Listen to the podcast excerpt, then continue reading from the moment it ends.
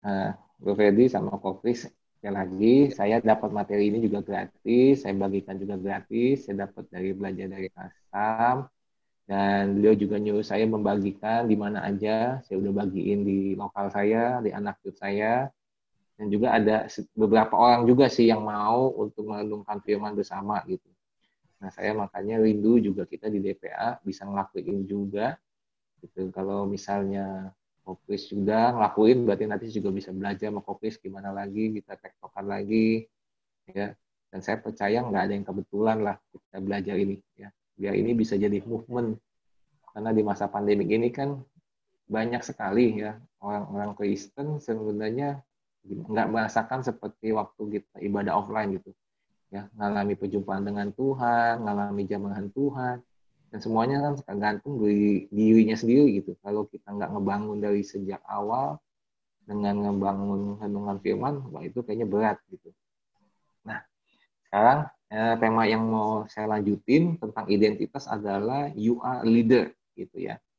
Bahwa kamu adalah pemimpin kita semua adalah pemimpin begitu. Nah saya akan mulai dengan ini. Ayat yang sering kali kita dengar nih ya yaitu uh, dalam ulangan 28 ayat 19 ya. Bunyinya begini Tuhan akan mengangkat engkau menjadi kepala dan bukan ekor. Engkau akan tetap naik dan bukan turun apabila engkau mendengarkan perintah Tuhan Allahmu yang kusampaikan pada hari ini, kulakukan dengan setia. Nah, ayat ini sering kali di gereja-gereja, termasuk gereja kita, didoakan di dalam doa berkat. Ya, dan ini udah menjadi mungkin ayat hafalan, ayat yang enggak asing lagi yang di telinga jemaat gitu ya. Kecuali mungkin jiwa baru. Tetapi kalau jemaat yang udah setahun dua tahun saya rasa juga udah pernah dengar ini. Pasti ada hamba Tuhan berdoa seperti ini atau mengkhotbahkannya. Nah, ayat ini menarik karena kita berpikir bahwa ini sesuatu yang luar biasa baik buat hidup kita. Karena apa? Karena Tuhan katakan akan mengangkat kita menjadi kepala ya, dan bukan menjadi ekor gitu. Ya. Kita akan tetap naik dan bukan turun. Ya. Apabila dengan syaratnya nih, ya, engkau mendengarkan perintah Tuhan Allahmu yang kusampaikan pada hari ini yang kulakukan dengan setia. Nah, apa sih yang ada di pikiran orang Kristen waktu ngebaca ayat ini kan gitu menjadi pertanyaan apakah pemahamannya itu seperti ini. Misalnya nih, saya kasih contoh gambarnya binatangnya dinosaurus. Jadi kalau dianggap jadi kepala, wah itu sesuatu yang lebih tinggi.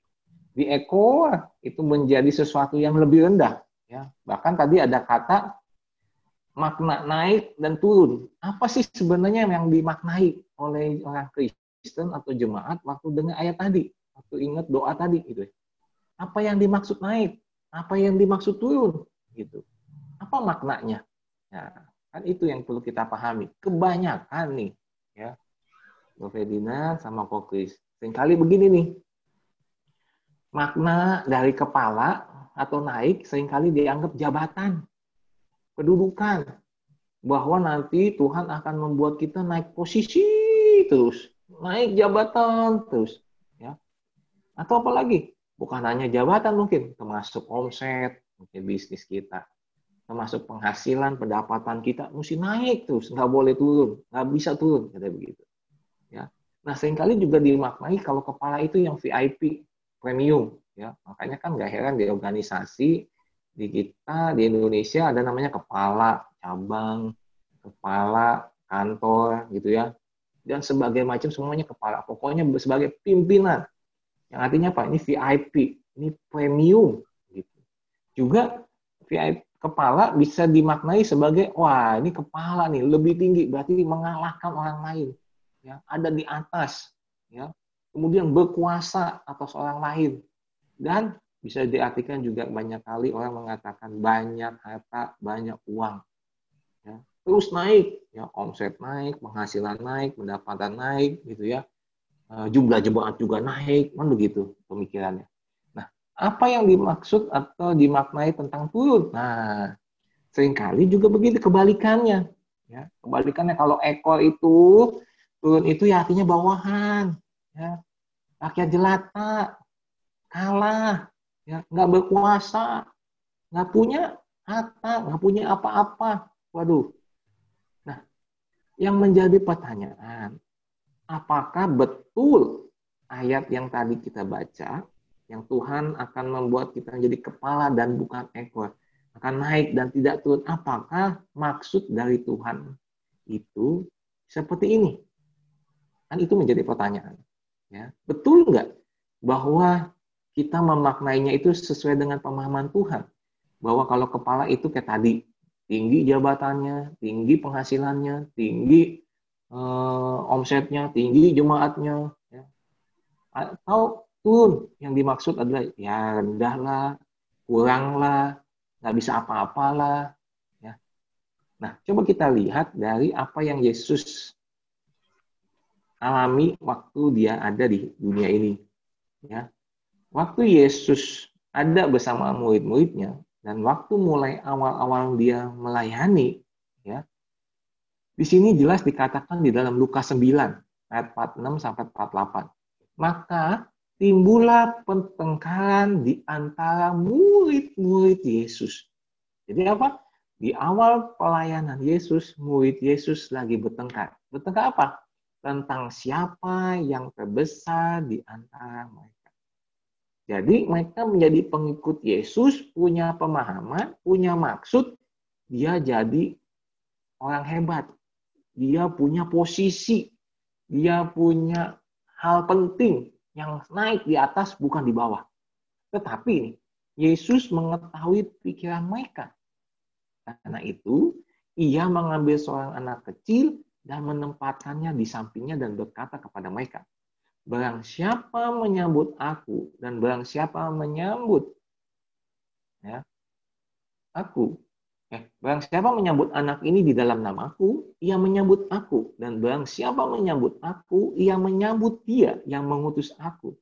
Nah, perhatikan yang Yesus katakan terakhir. Karena yang terkecil di antara kamu sekalian, dialah yang terbesar.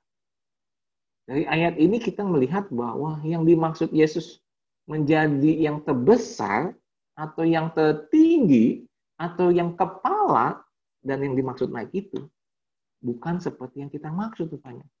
Kenapa? Karena Yesus bilang, kamu yang terkecil itulah yang terbesar. Kok seakan-akan benar-benar dijungkir balikan sama Tuhan Yesus. Ya. Jadi sebenarnya apa sih makna kepala? Apa sih makna naik? Apa sih sebenarnya itu? Gitu. Nah, sebelum ke sana kita lihat lagi nih, di akhir pelayanan Yesus pun juga begitu, bayangkan. Di Lukas 22 juga sama muridnya. Ini menjelang Yesus mau disalib. Alkitab mencatat, terjadilah juga pertengkaran di antara murid-murid Yesus. Siapakah yang dapat dianggap terbesar di antara mereka?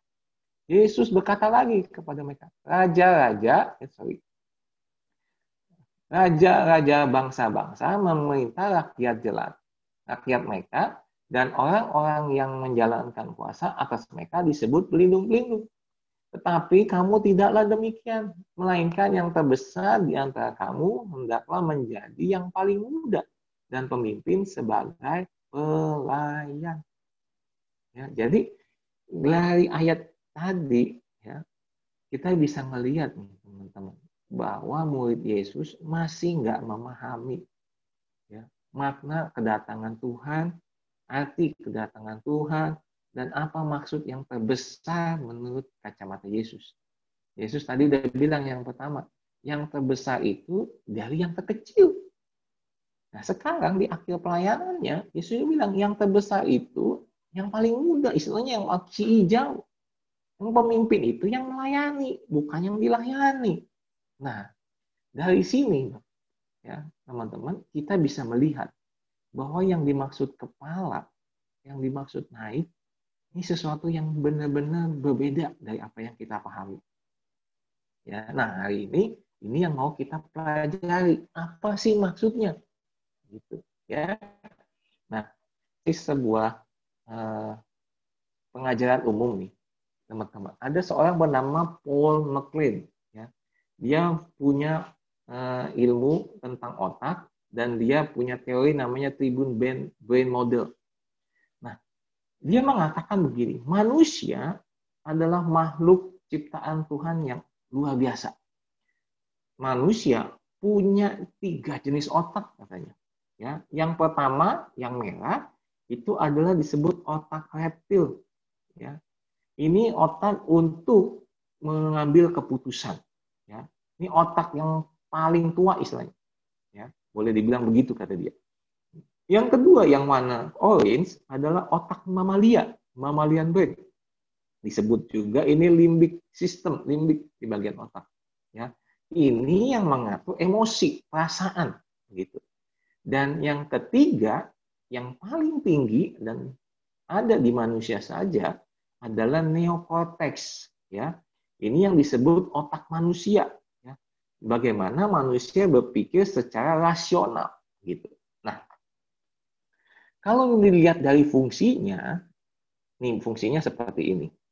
Reptilian brain fungsinya adalah untuk mempertahankan hidup, untuk kelangsungan hidup.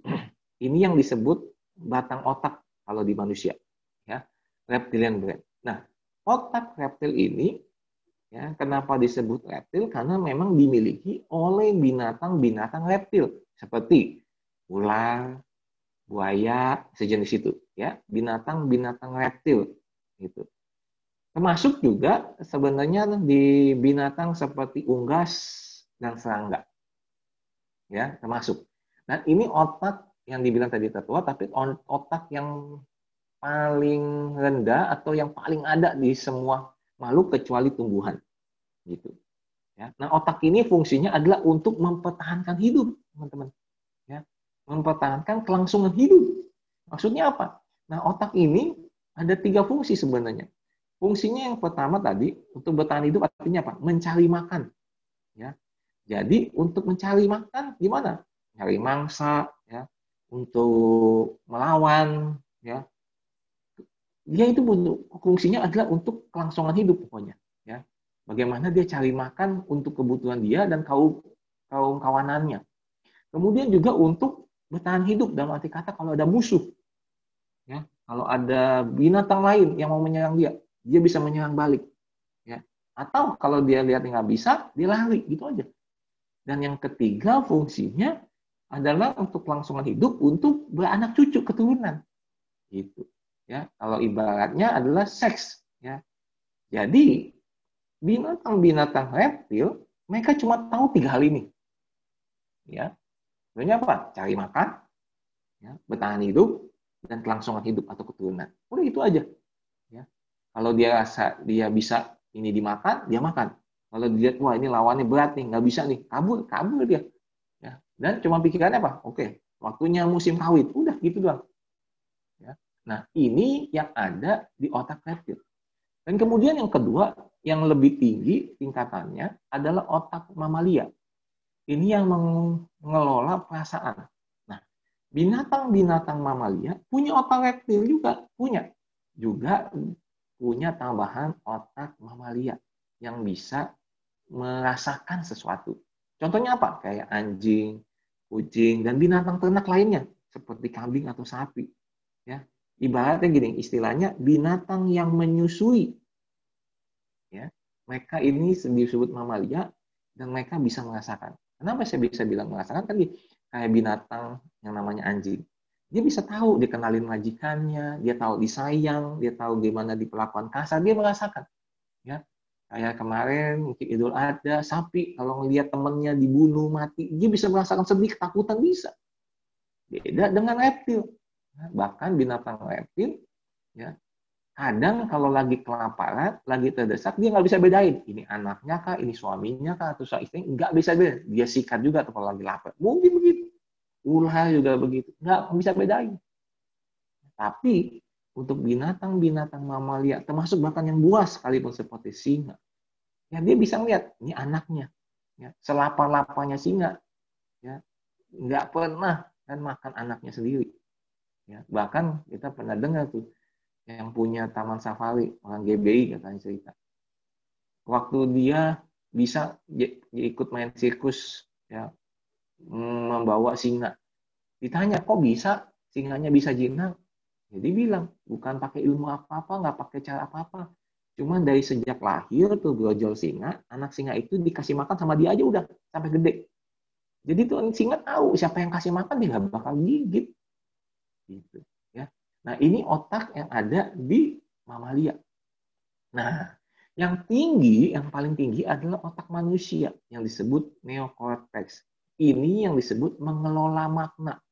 Ya. Nah, Kenapa kemarin kita udah belajar tentang tujuan hidup bahwa manusia itu eh, punya panggilan mengelola makna. Kenapa? Karena manusia punya kemampuan ini. Istilahnya hardware-nya ada otaknya. Dan hanya manusia yang bisa mengelola makna. Nggak ada lain. Nah, di sinilah yang disebut manusia diciptakan serupa dan segambar dan yang lebih mulia dari penciptaan lain. Ya. Nah, teman-teman, ini yang perlu kita pahami. Ya. Di otak, eh, di kepala kita ada barang penting yang namanya otak. Ya. Nanti kita akan tahu kenapa Tuhan bilang waktu engkau melakukan perintahku, ya, belajar tentang firmanku, engkau akan jadi kepala dan bukan ekor. Apa maksudnya? Dari ilmu pengetahuan tentang otak kita akan jadi tahu, teman-teman, bahwa otak itu sesuatu yang penting. Ya, nah manusia kalau dia hanya memikirkan bagaimana cari makan, hanya memikirkan bagaimana dia bertahan hidup, ya, menang atau kalah, ya, atau cuma mikirnya ingin cari keturunan lah, kawin lah, seks lah, berarti dia dikuasai hanya oleh otak reptilian. Ya. Tetapi juga sama kalau manusianya baperan, perasaan ya. Kalau seneng dilakuin, kalau nggak seneng enggak. Kalau happy jalan, kalau nggak happy nggak jalan. Itu berarti dia dipengaruhi oleh otak mamalia. Ya. Tetapi sebagai manusia ciptaan Tuhan yang paling mulia, kita harus tahu kita harus bisa menguasai dua otak ini. Ya. Nah banyak juga orang Kristen terkadang ya, nggak memakai otak manusianya. Ya. Dalam arti kata gini, nggak bisa memaknai sesuatu dengan baik sesuai dengan kehendak Tuhan. Kenapa? Pokoknya kalau dia untung, jalan. Kalau nggak untung, saya nggak jalan. Ya. Kalau bisa dilawan, maju. Kalau nggak bisa, udah mundur, tinggalin. Nah, itu berarti kita dikuasai sama otak reptil. Juga perasaan-perasaan. Kalau lagi mood, kerjain. Kalau lagi ngemut, ya dikerjain. Gitu. Ya. Kalau enak, maju. Kalau nggak enak, ya udah tinggalin. Nah, itu berarti juga mamalia. Nah, teman-teman, kita sebagai orang percaya terlebih lagi. Ya, kita mesti sadar bahwa menciptakan serupa dan dan semakin hari hidup kita punya tujuan yaitu semakin serupa seperti Kristus. Dan inilah tempatnya di mana? Di neokortex. Ya. Hanya otak manusia inilah yang membuat kita bisa menikmati hubungan dengan Tuhan. Bisa menikmati hadirat Tuhan. Bisa merasakan cinta kasih Tuhan. Hanya di neokortex. Binatang nggak bisa. Binatang nggak ngerti sama sekali. Ya. Nah, janganlah sampai kita dikuasai dengan otak mamalia, apalagi juga otak reptil. Ya, karena kita nggak jauh beda. Makanya nggak heran kalau di Indonesia kita pernah dengar kalau ada laki-laki nakal, disebutnya apa? Buaya darat. Ya, bayangkan. Terus kemudian kalau ada yang juga nakal tapi masih ada perasaan, ya masih mikir enak nggak enak suka nggak suka, dianggapnya pak kucing garong, gitu. Ya mirip-mirip juga tuh. Ya, berarti apa? Ada mamalianya, ada reptilnya. Begitu. Nah, kan kita lihat kembali ke kejadian. Ya. Waktu manusia diciptakan Tuhan dan ditempatkan di Taman Eden, Tuhan bilang begini kan. Tuhan Allah mengambil manusia itu dan menempatkannya dalam Taman Eden. Untuk apa? Mengusahakan dan memelihara taman itu. Jadi Tuhan tempatkan nih di Taman Eden. Lokasinya, istilahnya perusahaannya di mana, tempat kerjanya di mana, tugasnya cuma satu ini, mengusahakan dan memelihara. Itu apa? Job desk-nya mengelola bumi. Begitu. Kemudian Tuhan juga bilang, selanjutnya, dibawanya semua kepada manusia itu untuk melihat bagaimana ia menamainya. Dan seperti nama yang diberikan manusia itu kepada tiap-tiap makhluk yang hidup. Demikian nantinya nama makhluk itu. Ya, Jadi si Adam setelah ditempatkan di Taman Eden, teman-teman, ya dikasih job desk untuk mengelola dan kompetensinya Kemampuannya adalah mengelola makna. Ya, jadi harus memaknai. Bisa nggak? Bisa, karena manusia punya otak neokortex. Beda dengan binatang. Kita udah belajar kemarin sama-sama, hanya manusia yang bisa tahu. Ya, ini binatang, binatang apa? Ya, binatang ini binatang buas atau enggak, manusia yang nentuin. Termasuk nentuin apa? Tumbuh-tumbuhan. Ini berguna atau enggak, ini beracun atau enggak. Selain itu apa lagi?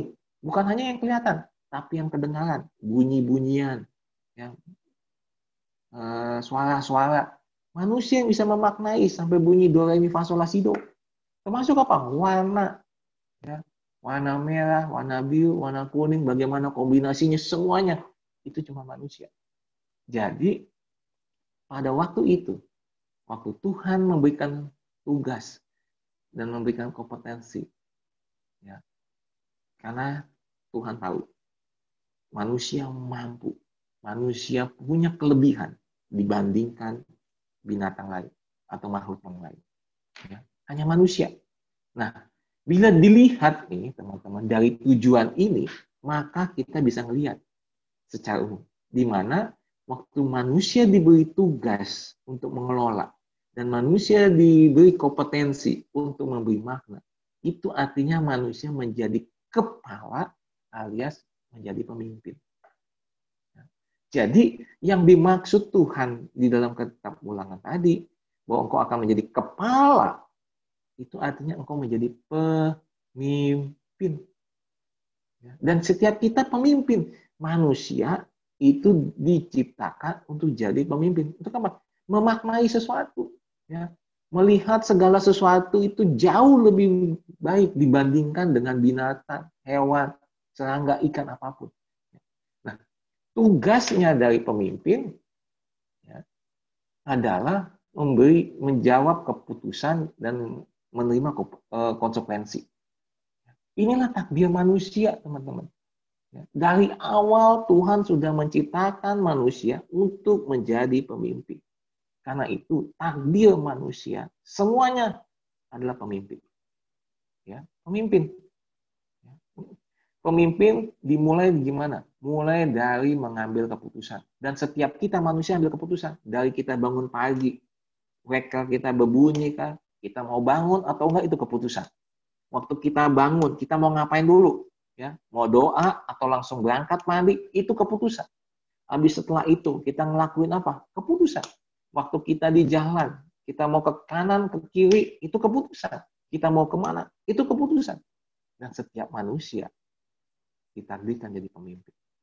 Nah, pemimpin kompetensinya paling dasar adalah mengambil keputusan. Dan setiap kita, kalau bilang dibilang lahir sebagai pemimpin, ya dengan basic awal adalah ambil keputusan. Dan ini sudah ada.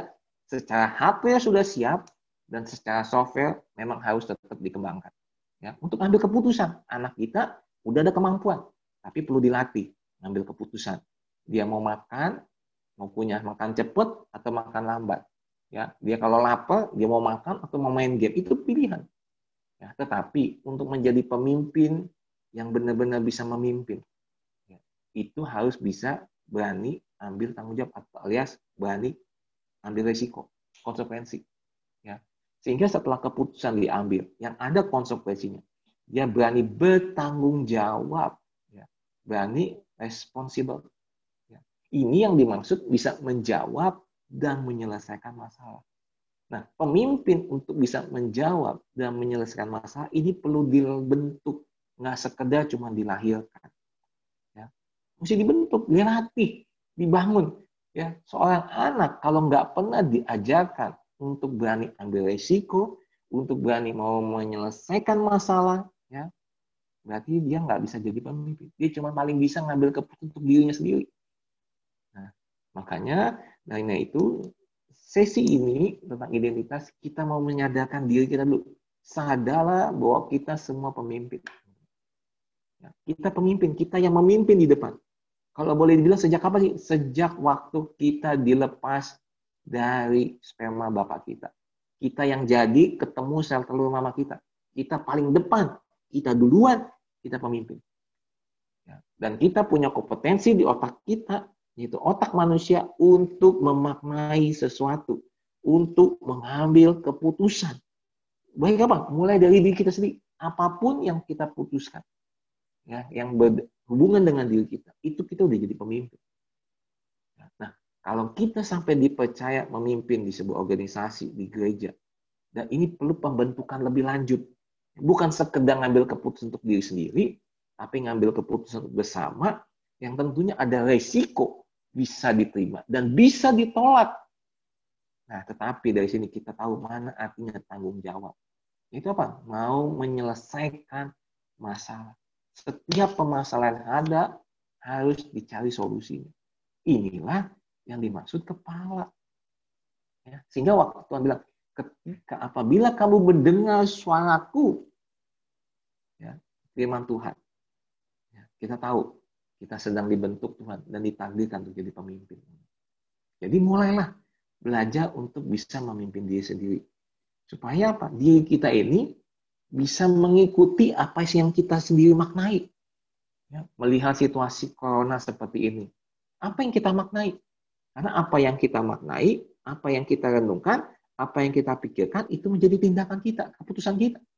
Ya. Nah saat kita mengikuti apa yang sudah kita maknai, ya, kita itu sedang melatih memimpin diri kita sendiri. Ya. Dengan demikian kita akan belajar pelan-pelan. Ya. Kita nggak jadi ekor dalam arti kata jadi pengikut saja, enggak, tapi kita melatih. Melatih. Nah ini perlu kita maknai. Memang di dalam kekristenan pemimpin kita cuma satu kata firman Tuhan yaitu Yesus. Kita semua adalah pengikut. Kita semua pengikut. Tetapi yang perlu kita pahami juga. Kita yang dipercaya Tuhan jadi pemimpin. Di mana pun kita berada. Termasuk kepala keluarga sebagai pria. Kita adalah pengikut yang memimpin. Tapi model-model kita siapa? Yesus tetap. Ya, Yesus. Yesus berjalan, bagaimana dia mengambil keputusan hari demi hari. Kalau kita lihat di dalam kitab Injil. Ya, setiap keputusan-keputusan dia, ya, tentu pasti ada konsekuensinya yang gak enak. Ya. Dan itulah dia mau bertanggung jawab. Dia menyelesaikan masalah untuk membuat, menyatakan bahwa dialah Tuhan. Ya. Nah, teman-teman, kita lihat nih contoh kasus yang ada di Alkitab. Mungkin nggak kelihatan jelas secara langsung, tetapi ada di dalam 1 Samuel 30 ayat 6, firman Tuhan berkata, dan Daud sangat terjepit karena rakyat mengatakan hendak melempari dia dengan batu. Seluruh rakyat itu telah pedih hatinya. Masing-masing karena anaknya laki-laki dan perempuan.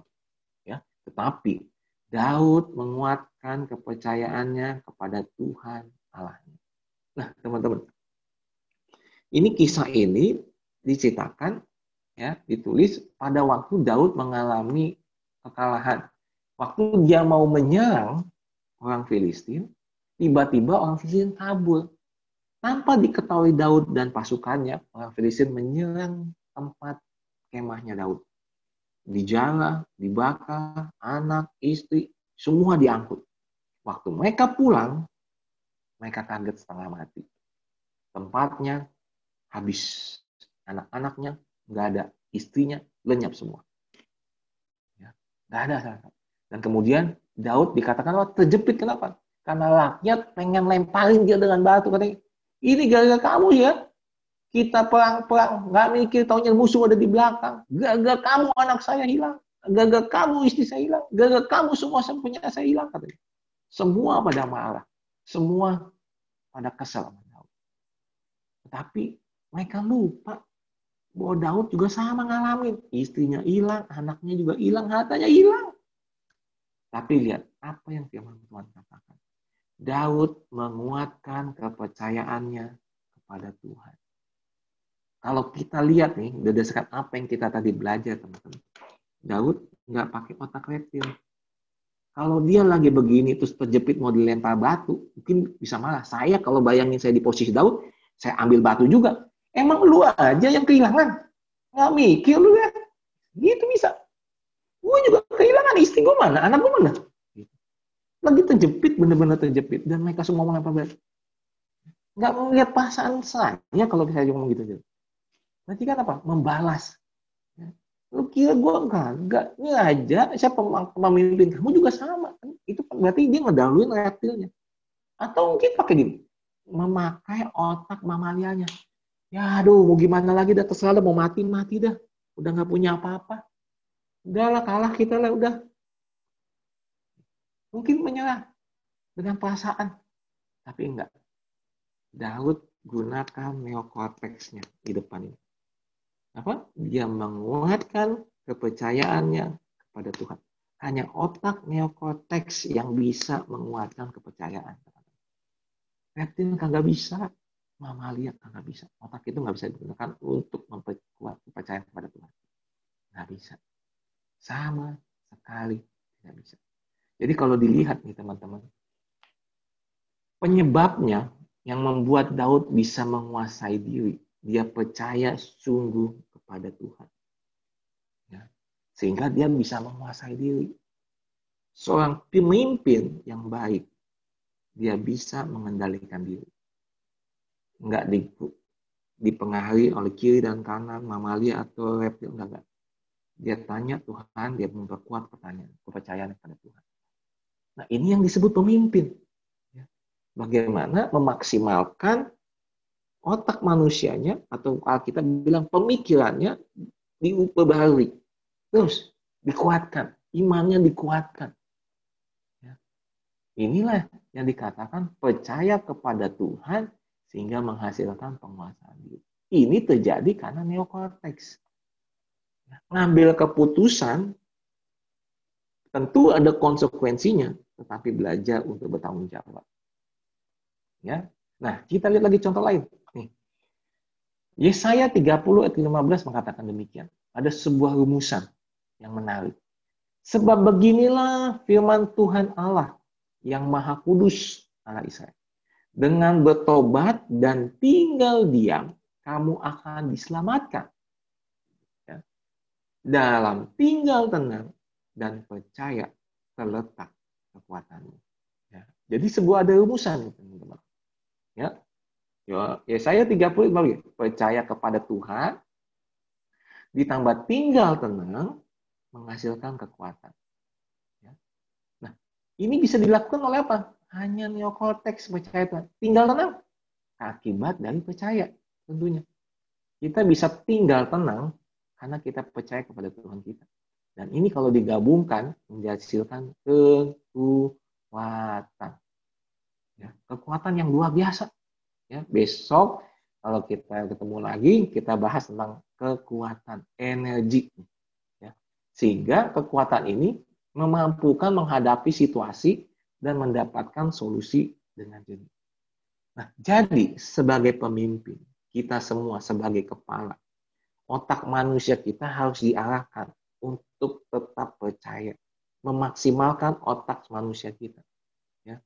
Sehingga yang lebih dominan otak manusia kita, bukan otak reptil, bukan otak mamalia. Bilang enggak, ya, kita nggak bisa percaya. Ya.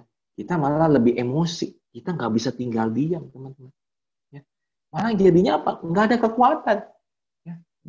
Kalau kita bisa percaya sungguh kepada Tuhan, kalau kita bisa tinggal tenang, tidak khawatir, tidak cemas, saya percaya di situlah letak kekuatan kita. Ya. Di situlah letak jawaban. Di situlah letak adanya solusi. Ya. Jadi inilah yang menurut saya, yang saya pahami juga bahwa menjadi kepala itu bukan sekedar punya omset naik, bukan hanya punya jabatan tetap naik. Ya. Bukan itu sebenarnya. Tapi yang perlu dimaknai adalah bagaimana kita yang ditakdirkan menjadi pemimpin, menjadi kepala, karena kita punya otak manusia, neokortex yang luar biasa itu, kita maksimalkan. Ya. Sehingga apa? Kita bisa tinggal tenang, kita punya kekuatan. Ya. Jadi, makanya saya katakan you are a leader kamulah pemimpin. Ya. Mungkin engkau sekarang pemimpin untuk dirimu. Gak apa-apa, ayo dilatih, dibentuk, terus sehingga engkau bisa dipercaya tuh untuk menjadi pemimpin daripada pengikut Yesus. Nah kalau kita sudah, ayo sadarkan terus dulu. Sebagai seorang pemimpin yang baik, ya saya pun juga belajar untuk bisa apa? Tetap percaya kepada Tuhan. Sehingga apa? Saya bisa menguasai diri. Ya, mau masalah kayak apa pun, saya belajar kayak Daud. Ya, di tengah yang terjepit, di tengah dipersalahkan, di tengah kayaknya udah nggak ada harapan, percaya kepada Tuhan. Di situ kita bisa mengendalikan diri. Ya, apalagi juga dengan rumusan Yesaya nih. Ini luar biasa banget. Di saat kita percaya, tinggal tenang, maka ada kekuatan. Ya, ada kekuatan teman-teman yang membuat kita.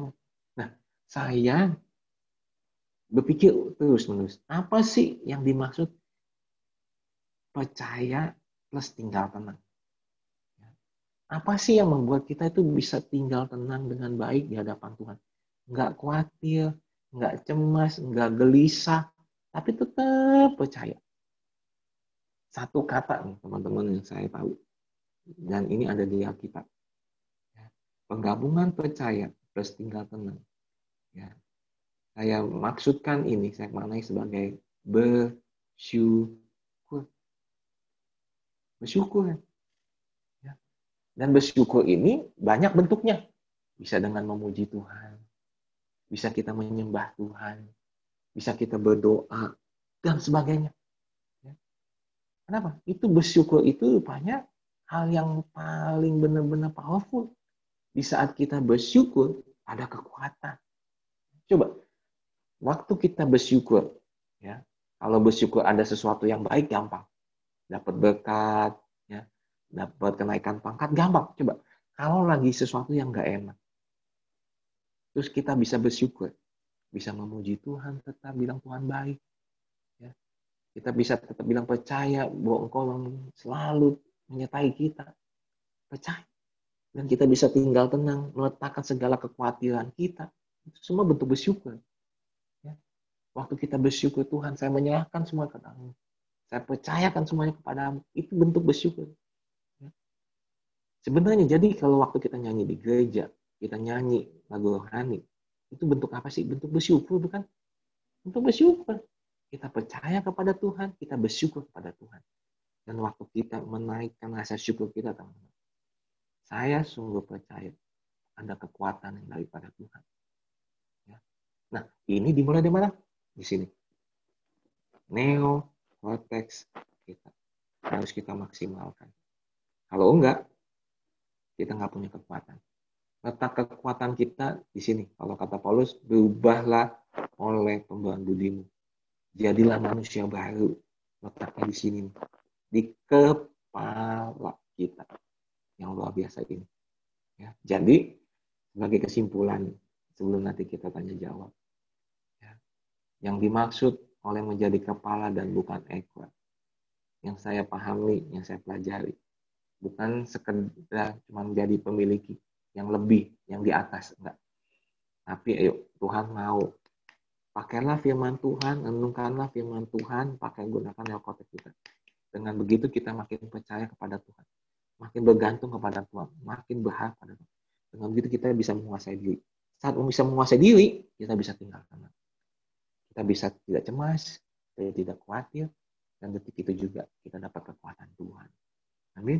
Nah, sekarang mungkin ada yang mau sharing, ya, you are the leader. Silakan, mungkin Kokris atau Ferdinand mau nambahin, silakan. Gitu.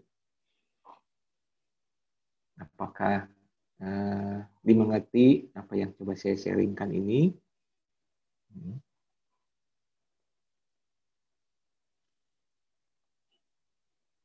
Nah, kan? Koplis, saya sih udah udah uh, udah nangkep sih ya uh, apa hmm. jadi sebenarnya kita itu ada kalau yang saya tangkap ini ya kita tuh sebenarnya hmm. diciptakan Tuhan itu memang ada di level yang paling tinggi ya tapi hmm. sering kali yang kita pakai justru level yang rendah gitu. Mm -hmm. Bukannya bukannya itu satu hal yang apa ya yang tabu buat kita, tapi kalau kita lama terlalu sering dan terlalu apa ya refleks refleks ya refleks kita kan kadang berhadap uh, saat diperhadapkan satu situasi refleks kita yang sering keluar adalah naluri binatangnya gitu kan iya, betul. itu daripada naluri manusianya begitu. Mm -hmm. Karena kan kebanyakan mm -hmm. kalau orang bilang kalau senggolan sama perut, nah itu mm. senggol iya. namanya. Mm. Ya. Mm. kalau urusannya dengan perut gitu, mm. ya kurang lebih seperti itulah. Mm. Jadi saya pun juga, maksudnya dapat dapat lah, maksudnya dapat satu mm. hal yang baru lagi. Ya memang mm. tanpa kita sadari selama ini juga saya juga kadang refleks saya itu kadang juga yang keluar itu naluri bi yang binatang mm. itu. Jadi mm -mm. walaupun tidak berkata-kata seperti binatang, tapi mm -mm. apa yang timbul refleks saya itu defense gitu kan, ya. Mm -mm. Kita kadang defense kan untuk uh, uh, apa mempertahankan hidup ya. Nah, mm terus kemudian mencari makan itu yang mm -hmm. yang yang lebih banyak muncul itu gitu. Mm -hmm. Jadi saya sebenarnya juga uh, apa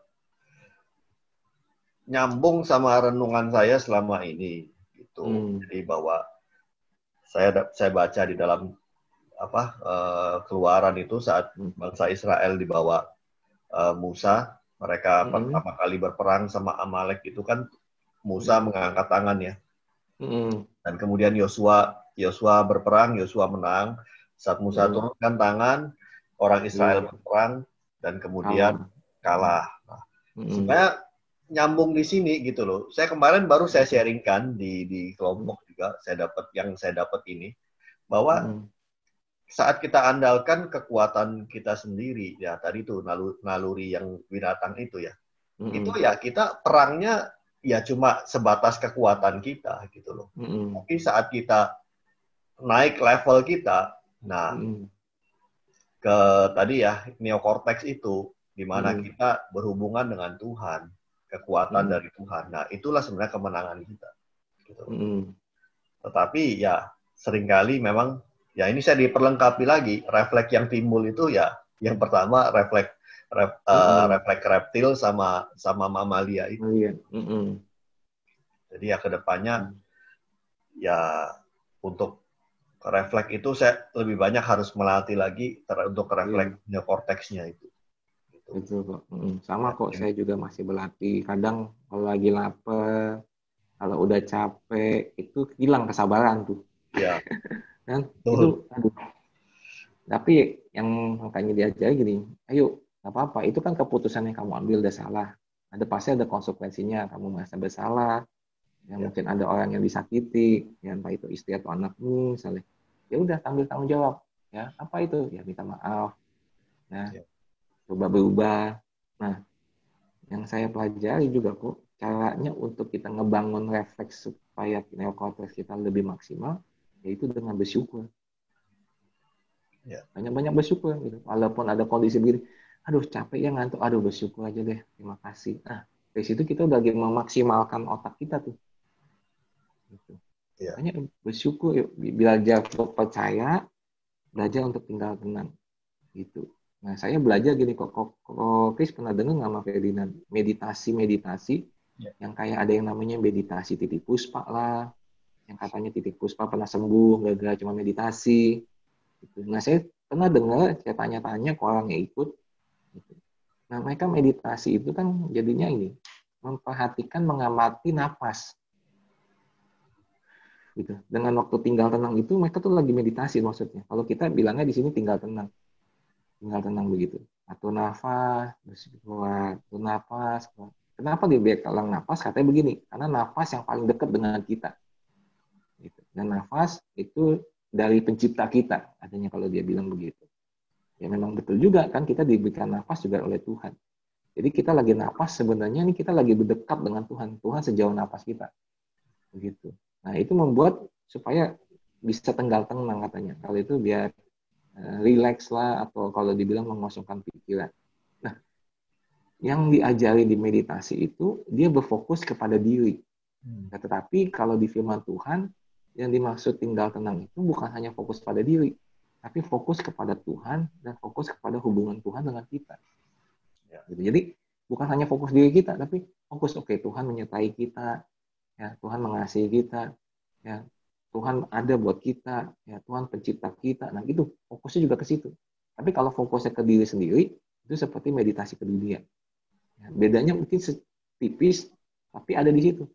Nah, salah satunya yang saya lihat juga nih, dan si Kasam juga menyetujui, yang membuat kita bisa tinggal tenang dalam arti kata kita nggak berpikir apa-apa, itu adalah bahasa roh. Waktu kita berbahasa roh, kita nggak tahu itu kita ngomong apa. Ya. Tapi waktu kita ada pikiran ke mana, kita alihkan ke bahasa roh kita, itu kita lagi belajar, kalau orang dunia bilang lagi meditasi. Makanya kan Paulus kata gini, waktu kita berbahasa, kita menguatkan iman kita. Gitu. Jadi waktu kita bersyukur, ya, atau dilatih dengan berbahasa di tempat kita sendiri, itu kita lagi sebetulnya kayak lagi meditasi, tinggal tenang, tapi mengarahkan untuk percaya kok gitu. Jadi saya waktu itu coba belajar, ambil waktu pagi hari, tinggal tenang, tarik nafas, terus berbahasa ya, tinggal tuh.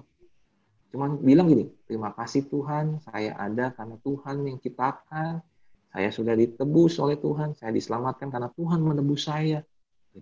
Dia cuma fokus begitu, percaya kepada Tuhan, percaya akan hubungan saya sama Tuhan, begitu erat, ya, percaya bahwa saya adalah berharga di mata Tuhan. Itu terus. Nah, saya bilang, nah, di keseharian, caranya gimana ya? Banyak bersyukur. Ya, ngeliat begini, bersyukur. Ngeliat begitu, bersyukur. Nah, saya sih agak ya sedikit belajar untuk biasa nahan sabar ya kadang kelepasan juga jujur aja. Ya waktu lagi capek udah ngantuk banget anak saya dibilangin kagak mau kadang kita emosi udah naik duluan tuh. Bisa begitu. Faktor apa ya? Hormonal kali ya. Tensi lagi tinggi kan begitu. Nah gitu. Jadi ya saya sih akui lah kok saya masih jauh dari sempurna gitu. Ya. Sama-sama kita masih belajar semua. Mas kalau makanya bilang kalau pas lagi waras ya kok nah itu tuh nih nah, konteksnya jalan bisa kita. Tapi kalau lagi nggak waras tuh istilahnya. Nah aduh benar juga ya saya pikir istilahnya masuk akal juga benar oh iya masih banyak bersyukur nih saya nih kurang bersyukur. Atau Ferdinand gimana? Hmm. ini saya pas ini saya saya lagi bareng sama Resti di sini kok. Oh iya. Resti dia nggak dia ikutan cuma dia nggak mau terlihat iya nggak apa-apa lagi nulis anak juga bilang waduh saya ini kebanyakan kadang-kadang apa namanya neokorteksnya mah nggak ya perlu dilatih lah Semuanya. Iya. hampir memang ya seperti tadi kok Chris bilang refleks itu kadang-kadang kita hmm. kayak bawa emosi juga terus kadang-kadang hmm. pikir juga gitu hmm. hasilnya juga ada gitu jadi memang apa namanya ya uh, lebih lebih ininya kepada tadi itu ya. Saya sih tentang penguasaan diri sih itu kok hmm. ini tadi dibilang kenapa Daud bisa memaksimalkan otak neokorteksnya kan? Karena memang dia bukan yang tadi pertama itu kan. Hmm. karena memang adanya penguasaan dirinya dia. Hmm. jadi percaya memang, ya. Iya karena dipercaya gitu. Dan hmm. memang ini kadang-kadang ya sulit juga sih. Maksudnya bisa kadang-kadang bisa mempercaya itu uh, kalau misalnya keadaannya baik-baik aja sih ya masih yeah. bisa kalau misalnya suatu situasi yang nggak bisa kita di luar kendali kita tuh kadang-kadang yang membuat mm. kayaknya kita pun juga terbawa mm -mm, betul itu iya iya makanya memang menenungkan firman Tuhan itu benar. Makanya tadi kan di ulangan 28 gitu kan. Apabila engkau mendengar perintah Tuhan Allahmu yang kusampaikan pada hari ini, kau lakukan dengan setia. Jadi waktu direnungkan dan dilakukan, terus menerus. Nah kita telah bilang akan mengangkat engkau jadi kepala. Gitu. Nah jadi memang kuncinya merenungkan firman, Ferdinand benar. Jadi salah satunya itu membangun refleks. Hmm kalau saya lihat begini, kita kalau kebanyakan hafal ayat, kita cuma ingat waktu pendeta khotbah itu ayat ada di mana. Tapi kalau lagi ada masalah kita lupa. Ini jujur aja nih. Tetapi hmm. waktu kita ngenungin ya, ngenungin, ngenungin, kita masuk ke dalamnya. Kapan itu muncul? Waktu ada masalah. Hmm. Kenapa? Karena yang kita ingat esensinya bukan ayatnya di mana. Hmm. Nah, sering kali saya ngeliat begini nih. Yang nggak salah sih memang kita ajarkan anak kita menghafal ayat. Cuma tahunya cuma di pengetahuan, tapi kalau ada masalah lupa semua. Hmm. Itu bedanya di situ kalau kulihat. Jadi kalau kita kapan bisa ingat, ya kalau diasumkan sekedar dihafal, boleh dihafal, tapi direnungkan. Ini firman ini ngomong apa sih ke saya? ini berbicara apa ya buat saya ya.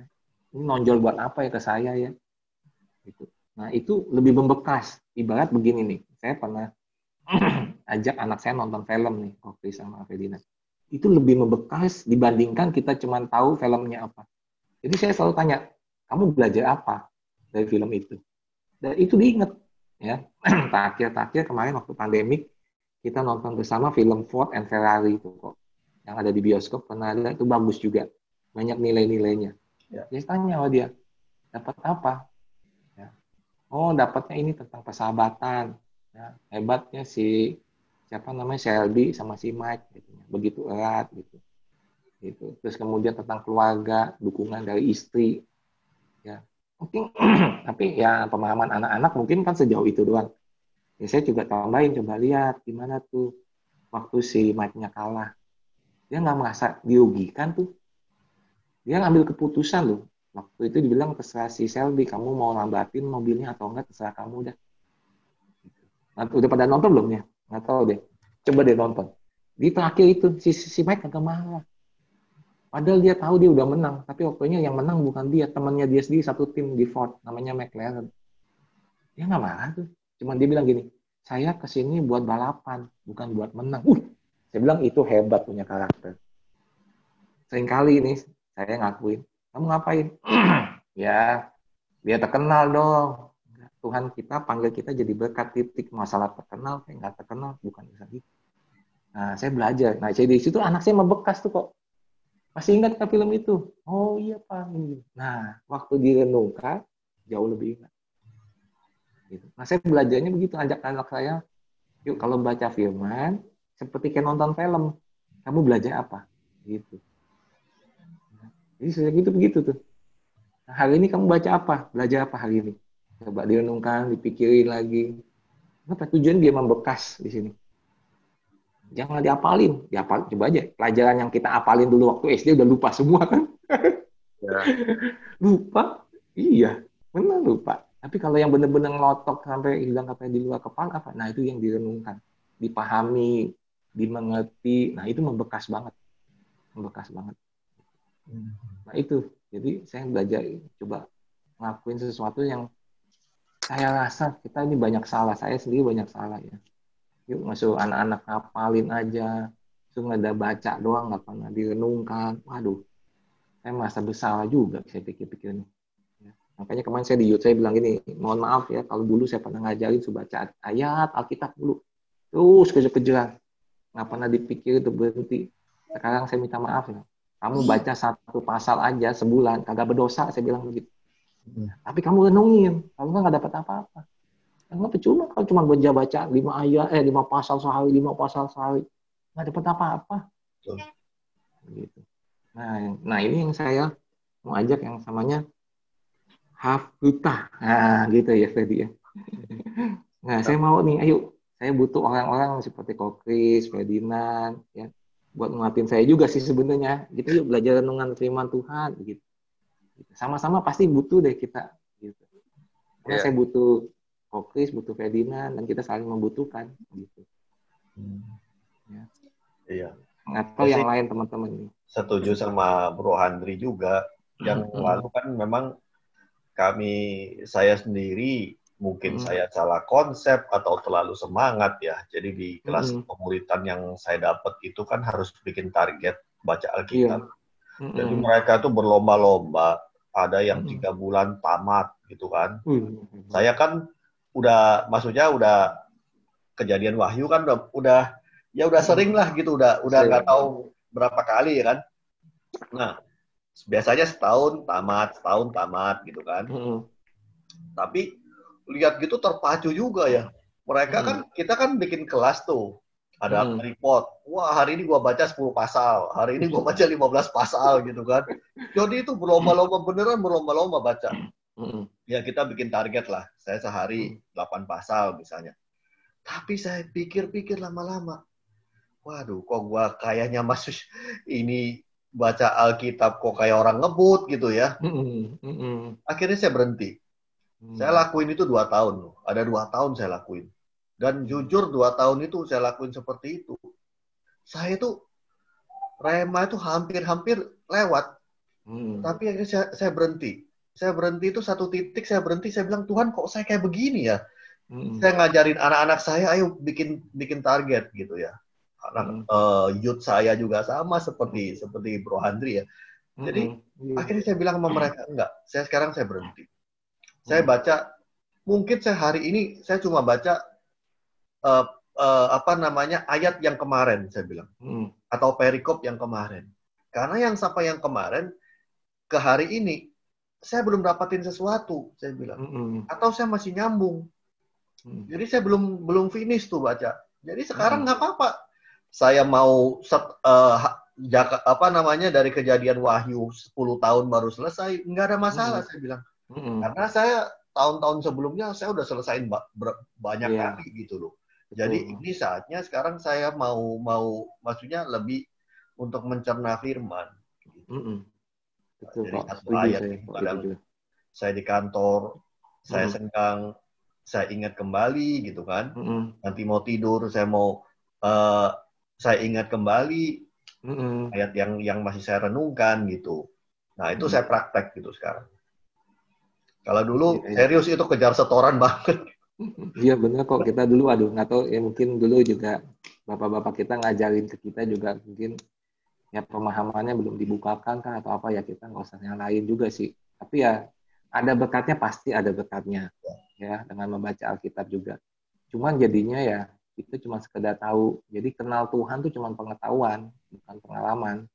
Begitu. Ya. jadi kemarin saya juga udah ngomong mana saya saya minta maaf ya kalau saya ngajarin waktu itu kejar-kejaran baca Alkitab sekarang saya katakan gini ayo renungkan yuk. Jangan merasa bersalah jangan merasa berdosa kalau kamu baca renungan firman Tuhan tapi direnungkan ya ayo sama nah ini saya mau ngajarin sekarang. Nah, saya ajarin tuh yuk sebulan satu pasal aja.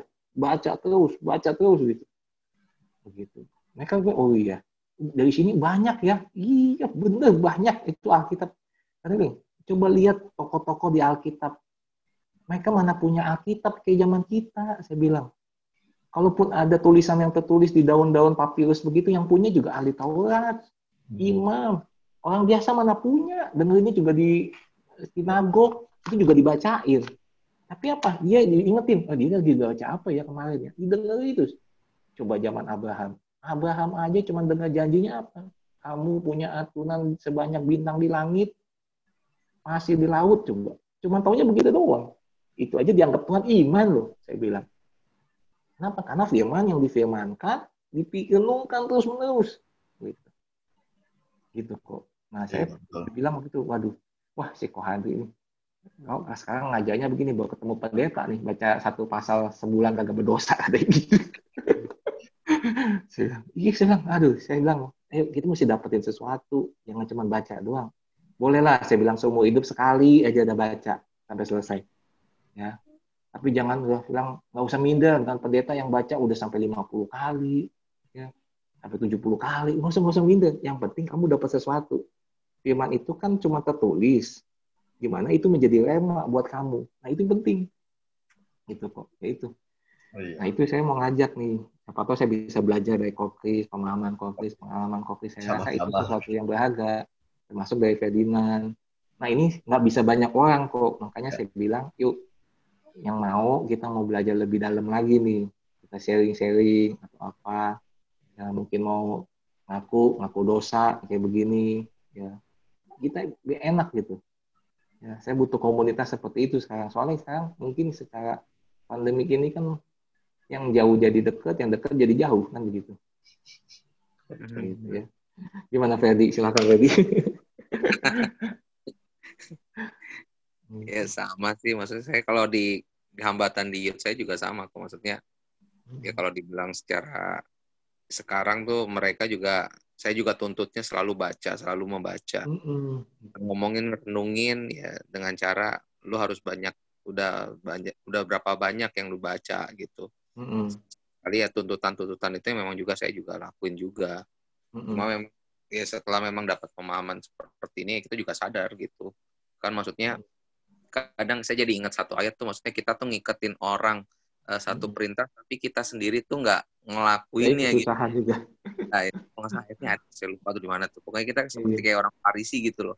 Lu ngikat cinta sama orang tapi lu sendiri nggak ngelakuin gitu. Lu sama hmm. aja gitu kan. Nanti batu kilangan tuh diikat ke kepala kita gitu loh. Iya. kan ngerti juga gitu kalau baca ayat itu tuh.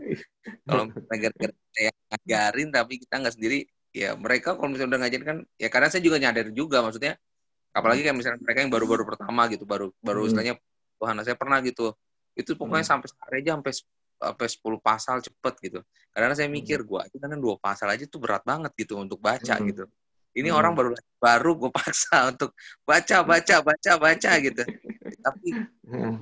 anak-anak remaja saya gitu begitu sekarang mungkin sekarang ya ketahuan juga gitu kualitas rohaninya gitu saya juga sadar hmm. juga ya saya juga salah didik juga istilahnya hmm apa namanya memaksakan lu harus begini harus begini begini tapi balik lagi saya juga belum melakukan sebenarnya yang saya minta dia seperti itu gitu sih hmm. siapa iya, sih iya. yang memang saya memaksakan untuk orang melakukan hmm. itu saya belum lakuin gitu sih. iya kita makanya coba nih hafuta ya istilahnya saya juga baru dengar dari Ferdinand kan hari ini bahasa Ibrani-nya nih nah coba yuk kita jalanin. Nanti siapa tahu kita bisa bawa ke komunitas kita ya. Siapa tahu ini menjadi kegerakan ya. Bukan sekedar aba ayo baca Alkitab gitu. Kalau bisa hmm. jadi arak ayo renungkan Alkitab kan gitu. Itu aba tuh di gereja saya tuh bener-bener deh berlomba-lomba itu tiap pagi siapa yang bilang udah. Ngejar itunya doang. Poin poin. Komunitas ada komunitasnya kan itu saya pernah diundang iya benar itu aduh makan di restoran tuh Mm -mm. Aduh, terus dapat kaos segala lagi. Aduh, hebat tuh. Itu cuma baca doang tuh. Cuman ya dapatnya apa? Aku bingung jadinya tuh. Lima pasal sehari, apa yang didapatnya ya? Dia udah baca, seakan-akan dia baca tapi dia belum baca gitu. Nah, kita kan nggak tahu Bisa juga. Gak? Bisa, pasti lah tinggal bilang di WA doang. Saya juga nggak berani ngikut, takut kena godaan itu ya. Jadi saya bilang saya nggak ikut dah. Riset lima pasal. Nah, ya udah. Ya paling gitu nih. Jadi nggak tahu nih gimana.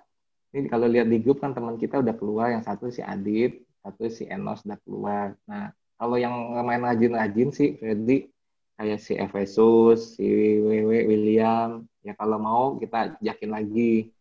Misalnya kalau memang dia serius mau, ya udah nih berarti kita kasih kesempatan. Mungkin minggu hari ini dia nggak bisa. Yuk kalau mau gitu ya tapi kita mau lebih apa ya lebih mendalam lebih ini lagi ya. ha, belajar hanuka ini hanuta gitu ajak Dedi atau siapa yang mau ya gitu nah cuman gini uh, Fedi sama Kokris ini kita mau dua minggu sekali atau mau seminggu sekali nih gitu cuman kalau dua minggu sekali kan ketemunya jauh nih lama sekali atau kita mau seminggu sekali seminggu sekali begitu cuma nggak tahu apakah harinya mau senin kah atau apa Nah, kita diskusin aja. Begitu. Kelamaan nggak dua minggu sekali gitu. gitu. Kalau, kalau saya sih bebas ya waktunya karena uh, maksudnya mau seminggu sekali boleh, dua minggu sekali hmm. boleh. Memang gitu. saya yang lebih banyak off-nya itu di Senin. Di Senin. Iya, Rabu biasanya hmm. kami sering pakai untuk meeting ya. Meeting hmm. itu kita ambilnya hari Rabu. Kemudian Kamis itu komsel yang teens, Jumat hmm. itu komsel yang di pemuda, hmm. Sabtu, iya, iya. Ah, Minggu udah gak bisa. iya, memang sih Senin paling enak. Jadi hmm, aku ya, juga. Di memang saya lebih banyak ke Senin biasanya. Hmm. Gitu. Terus Ferdinand gimana? Mau Senin seminggu sekali atau gimana? Supaya ini, kalau yang saya belajar dari Kasam ini pelajarannya tuh ada kurang lebih sampai berapa ya. Nah, saya cuma nggak semuanya nih. Saya coba rangkum-rangkum, saya bagi-bagi. Ya. Saya nggak tahu, mungkin kan udah dapat tuh link-linknya. Mungkin dari siapa dapat, tahu-tahu mungkin Kopris juga dapat. Ya. Nah, itu bisa dipelajari, bisa didengarin. Itu sampai 20. Nah, kalau saya setelah rangkum-rangkum tuh paling cuma sekitar paling banyak tuh 17. Nah, kalau misalnya tiap minggu nih kita udah masuk minggu ke 5, eh sekarang kita ke 6 ya. Berarti masih ada 11 minggu lagi. Itu kurang lebih tiga bulan. gitu kalau mau ngikutin ini gitu tapi kalau enggak juga nggak apa-apa sih sih bebas misalnya kalau udah yuk kita sampai bulan apa sambil nungguin firman kita sharing kita jadi brotherhood gitu ya. Kita lebih eh, sharing firman Tuhan apa terus Tuhan ngedegur apa. Nah itu nanti mungkin mau berapa bulan kita atur sama-sama. Misalnya mau dua bulan kan sampai November ayo gitu. Ya. Itu sih Fedi terserah gimana sih. Itu kalau saya sih seminggu sekali sih it's okay kok. Cuma kan hmm. sebenarnya kadang kita kan ada kayak fellowship juga pengurus. Paling nanti di beberapa apa ada sebulan satu kali yang memang mm -hmm. bisa di offin uh -uh, bisa diatur mm -hmm. bisa kalau gitu. Nggak uh, apa-apa. Kalau memang ada keperluan misalnya nggak bisa ya udah. Kalau dikit begini kan kita ngaturnya enak misalnya. Atau nih kita kita tanya coba si Efesus kan dia rajin juga tuh sama hmm. si Wewe William. Pasti oke okay kalau mau ya ya kali si hmm. Wewe-nya kerja. Oh iya pokoknya mereka juga lagi ada kesibukan di bosnya hari ini juga gitu hmm. jadi minimal ya kalau ya lima orang sih kita oke okay lah masih oke okay juga nentuinnya gampang diskusinya gampang kan enak gitu kalau kebanyakan jadi susah gitu dulu pemuritan saya malah yang ikut Ibu Magdalene, Mag Magdalene hmm. itu kalau hmm, kelas ikut nih Sabtu nih, eh Ming, Senin hmm. ini ada yang nyusulin. Hmm. hmm. Jadi saya harus ambil waktu misalnya Rabu nih. Nah, nanti hmm. Rabu nanti Bro Ferdi yang nyusulin saya gitu. Yang ngasih hmm. bahan ke saya, yang nanti uh, kasih materi gitu loh. Jadi Bro, oh, Bro Ferdi iya. yang yang yang ngasih Ajarin. bahan ke saya gitu loh. Hmm. Gitu hmm. janjian. Jadi ketemu di mana, mau ketemu di Starbucks gitu kan. Oh, kan gitu. pemulitannya tuh ada kelas-kelas tuh. Nah, misalnya hmm. kelasnya tuh tiap Jumat. Jumat hmm. ini saya nggak datang nih. Nah, saya harus cari waktu nih buat susulan hmm. namanya. Hmm. Nah, saya harus hubungi fasilitatornya. Hmm. Nah, saya nggak bisa nih hari ini, maksudnya nanti kapan kita janjian ya uh, ketemu untuk susulan gitu. Hmm. Jadi iya, nggak yeah, yeah. boleh bolong sama sekali nggak boleh bolong gitu. Oh, oke oke. Berarti mesti ada fasilitatornya itu kita mesti ini ya. Boleh nah. juga sih, tapi ya nggak tahu gimana. Apakah itu mau diterapin? Nah, cuman itu lama-lama kalau kalau menurut saya jadi seperti Taurat gitu loh. jadi, Baru saya juga mau ngomong. Akhirnya saya ngejarnya apa? Pokoknya gua harus tamat gitu loh. Target doang, iya. Iya, begitu. Yang yang dikejar akhirnya mm -mm. itunya. Jadi hadir aja memang disiplin ya disiplinnya bagus tapi hmm. kalau saya lihat sih yang dikejar akhirnya Tauratnya itu gitu. Iya mm ngajarnya pokoknya ikut aja udah. Dapat apa ya. enggak ya udah. Kok paling usul kok gimana gimana? kan kita kan tadi kan bilang ada 17 ya total ya. Maksudnya kan kalau misalnya kita mau seminggu sekali kalau saya. bikin jadwal ini aja maksudnya langsung ditemain aja kok maksudnya nanti udah biar tinggal slot tuh tanggal berapa tanggal berapa. Nanti kalau misalnya oh. seandainya akan coba planningin gitu nanti misalnya ketemu sama hmm. teman itu di Senin keberapa gitu. Paling oh, sih gitu. kalender begituan aja. Oke oke. Nah kalau ya. ini tahu kan nih kita okay. udah sini gitu. kita udah masuk yang keenam kan minggu ini nih kan? Mm -hmm yang keenam berarti kan tinggal kalau aku di lokal aku sama anak aku tuh ada 17 jadi aku rangkum-rangkum nggak semuanya aku ini aku gabung-gabungin. 17 berarti kan kita tinggal 11 lagi kalau dari tanggal 5 nih 11 minggu lagi kurang lebih jatuh-jatuhnya itu di Desember kita selesai. Gitu. Minggu sekali ya? Uh, minggu sekali tuh. Jadi ini kita selesaikan nih tanggal 12, tanggal 19 kita selesai modul yang session keduanya tentang identitas. Ada lagi dua session lagi membahas tentang apa itu Taurat, anugerah, ya dari ke 10 firman lah, topik besarnya ke 10 firman. Yang kedua tentang doa Bapa kami. Gitu. Nah, si Kasam ini juga ngajarin ini sebenarnya hal basic yang dia lagi bangun, dia lagi istilahnya nge-rebuild tentang hal-hal basic buat jiwa-jiwa baru sebenarnya. Jadi yang kita belajar ini sebenarnya hal basic sekali sebenarnya kata dia. Hmm. Jadi bisa dipakai di gereja lokal kalau misalnya buat pengenalan jiwa baru baru datang. Nah, dia mesti tahu dulu bisa tentang tujuan hidup, tentang identitas dia, tentang itu apa itu dosa sih, apa anugerah, kenapa kita harus melihat pada salib Yesus, dan juga bagaimana kita berdoa. Doa itu seperti apa, komunikasi yang seperti apa yang Tuhan mau. Nah, itu itu hal-hal basic sebenarnya kata dia. Gitu. Tapi ya, eh, ini yang dibilang inilah eh, rebuild SPK yang pernah dia bikin di gerejanya dia dulu di Abalok katanya. Gitu ya jangan diajarin doktrin dulu lah kenapa mesti diselam saya nggak ada. Itu kayaknya nggak perlu deh katanya. Penting dia kenal Tuhan dulu kata dia. Gitu. Dia dia ngakuin dia papa dulu gue salah katanya. Gitu. Gitu. Ya, jadi ya itu sih saya bilang wah iya benar juga ya kenapa kita ini kita gitu ya.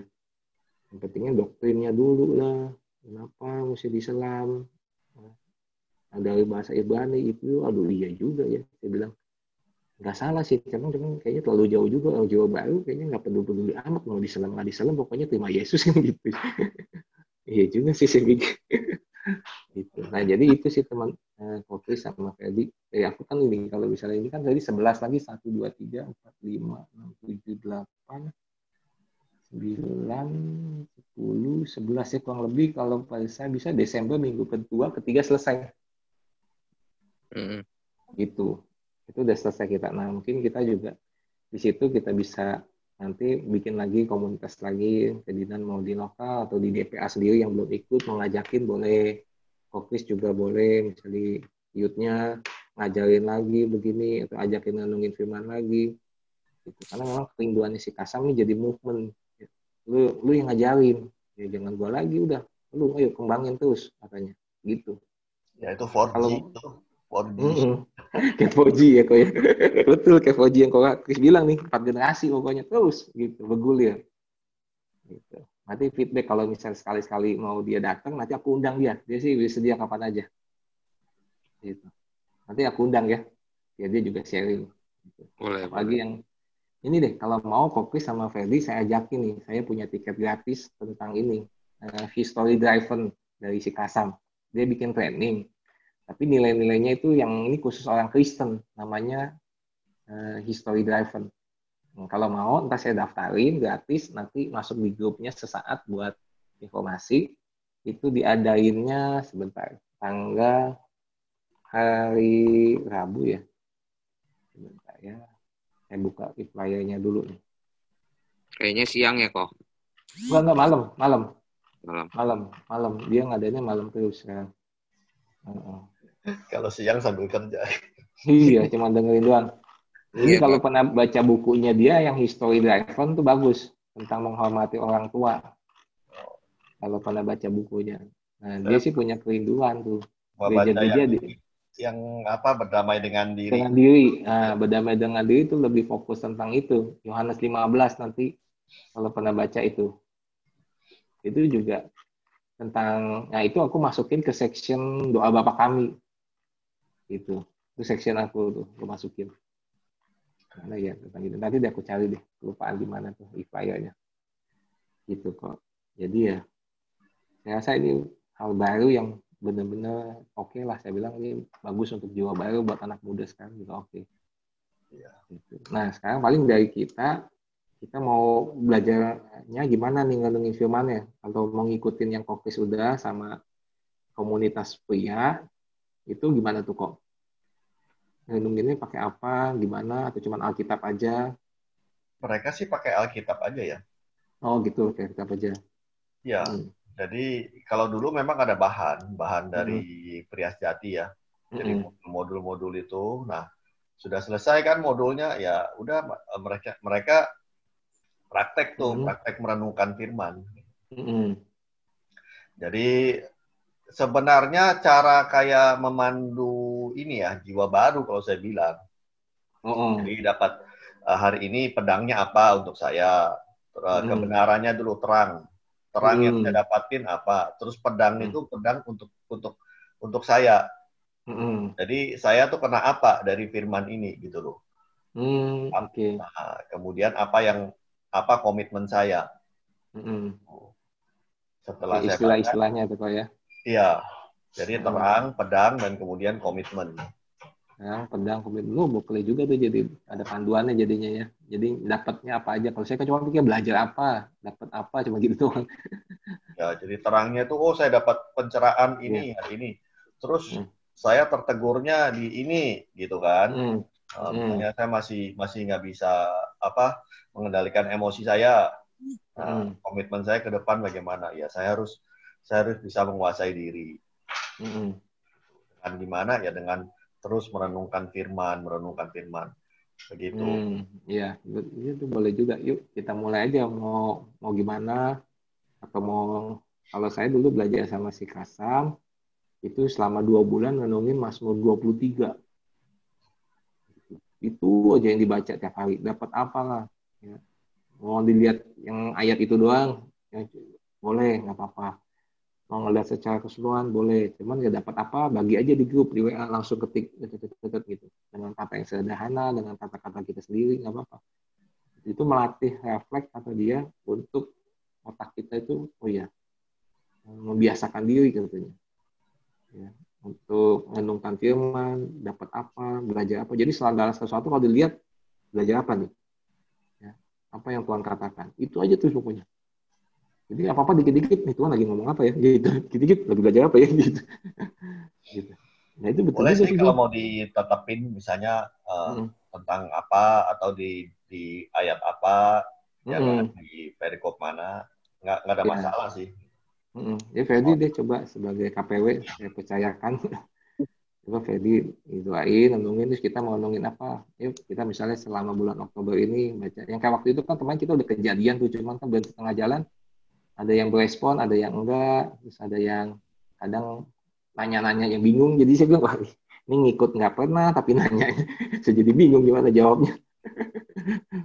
Gitu. Kalau udah ikut kan enak gitu. Ya. Gitu. Atau mau masmur berapa misalnya 62 masmur 121 itu masmur sih bagus-bagus juga sih. Iya. Yang nggak habis-habis aja masmur 119 ah. Panjang kan itu sampai ini. Kalau anak kita aku mas 62 tuh.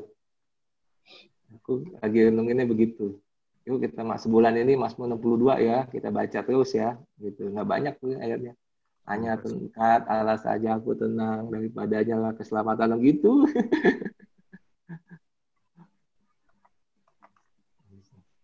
Nah ini uh, History Driven tanggal 14 Oktober hari Rabu kurang lebih minggu depan tuh jam setengah tujuh sampai setengah sembilan. Saya ada tiket buat dua orang nih. Kalau Kokis mau sama Ferdi nanti saya daftarin. Boleh boleh. Boleh ya? Mm -mm. bisa. History drive nanti saya kirim deh gambarnya di grup semoga semoga nggak ada meeting tuh. Iya semoga nggak ada. Betul betul. Saya juga nih biasanya Rabu tuh ada pertemuan. Tapi kalau enggak saya mau ajakin ke sini aja kali ini gitu. Gitu. Paling gitu kok. Fedi gimana eh Fedi? Okay. hmm, gimana Fedi? Renunginnya di Mazmur hmm. boleh? Iya Mazmur berapa? Mau Mazmur 91 atau Mazmur 121 juga oke. okay. 121 pertolonganku ialah dari Tuhan yang menjadikan langit bumi. Ini, ini ayatnya sih pendek sih. Iya. Mm -mm. Ya udah, Mas dua satu aja kita coba dulu. Satu dua satu ya, coba ya kita renungkan. Nanti coba kita ajak yang lain kalau memang masih mau ikut. Ini yang Fedi deh yang ngomong deh sebagai KPW, takutnya aku ini bilang aja. uh, kalau si Efesus masih mau, yang lain masih mau belajar, yuk minggu depan kita ketemu lagi tanggal 12. Gitu. Nanti aku kasih jadwalnya deh di grup. Misalnya belajar apa tanggal 12 nanti ya. Iya. Gitu. Nanti aku Jadi, coba uh, eh, WA mereka kalau misalnya bisa hmm. dihubungin besok saya hubungin mereka langsung. Iya itu soalnya yes. si Efes sudah nanya ini kalau bisa jangan pada live katanya. Ya, aku sih belum jawab. Hmm. kan masih bisa ikut minggu berikutnya katanya malam berikutnya. Ya bisa sih kalau yang rajin sih oke okay lah. Cuma kalau yang nggak pernah ikut ada di grup kan jadinya bingung dia tentang kita lagi ngebahas apa begitu itu ya. Ya paling gitu Kokis thank you Ferdinand Thank, Thank you. banget nih yang setia Thank you. belajar sama-sama. Ya, sama-sama. Terima kasih. Ya, gitu. Ditunggu. Okay. Masmur 121 ya? Masmur 121. Oke, oke.